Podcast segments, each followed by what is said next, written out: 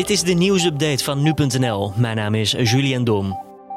Het aantal coronabesmettingen is afgelopen week in België met 71% gestegen tegenover de week daarvoor. Gemiddeld worden er dagelijks nu bijna 300 personen positief getest, meldt het Nationaal Crisiscentrum in het land. Ook het aantal coronapatiënten in ziekenhuizen stijgt. Het gaat om ongeveer 17 opnames per dag. De oproep blijft vanuit de overheid om je te houden aan de maatregelen.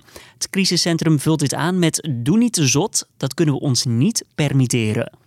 Verder zijn er ook nieuwe cijfers over Nederland. Zo zijn er de afgelopen 24 uur 205 nieuwe besmettingen vastgesteld. Dat zijn er iets minder dan op zondag, maar flink meer dan vrijdag. Toen waren het er nog 137. Een man heeft zichzelf vanmorgen in brand gestoken voor het gemeentehuis in Os. De man ligt in kritieke toestand in het ziekenhuis.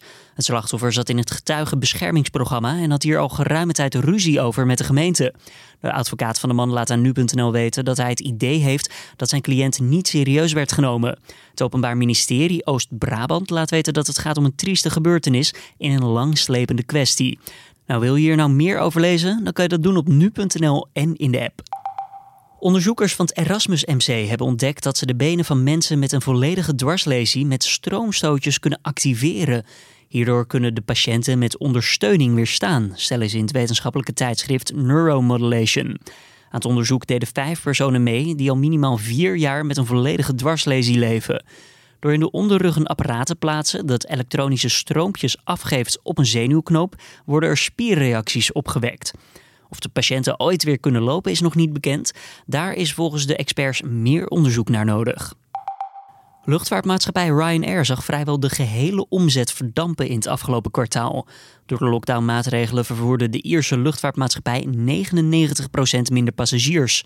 Verder hekelt het bedrijf de, in hun ogen, illegale staatssteun aan onder meer Air France KLM. Ryanair vervoerde tussen begin april en eind juni ongeveer een half miljoen passagiers, waar dat er vorig jaar in hetzelfde kwartaal nog 42 miljoen waren. De Ieren kwamen dan ook uit op een verlies van 185 miljoen euro. En als we het weer even kijken naar diezelfde periode vorig jaar, toen werd er een winst geboekt van 243 miljoen euro. En dit was dan weer de nieuwsupdate.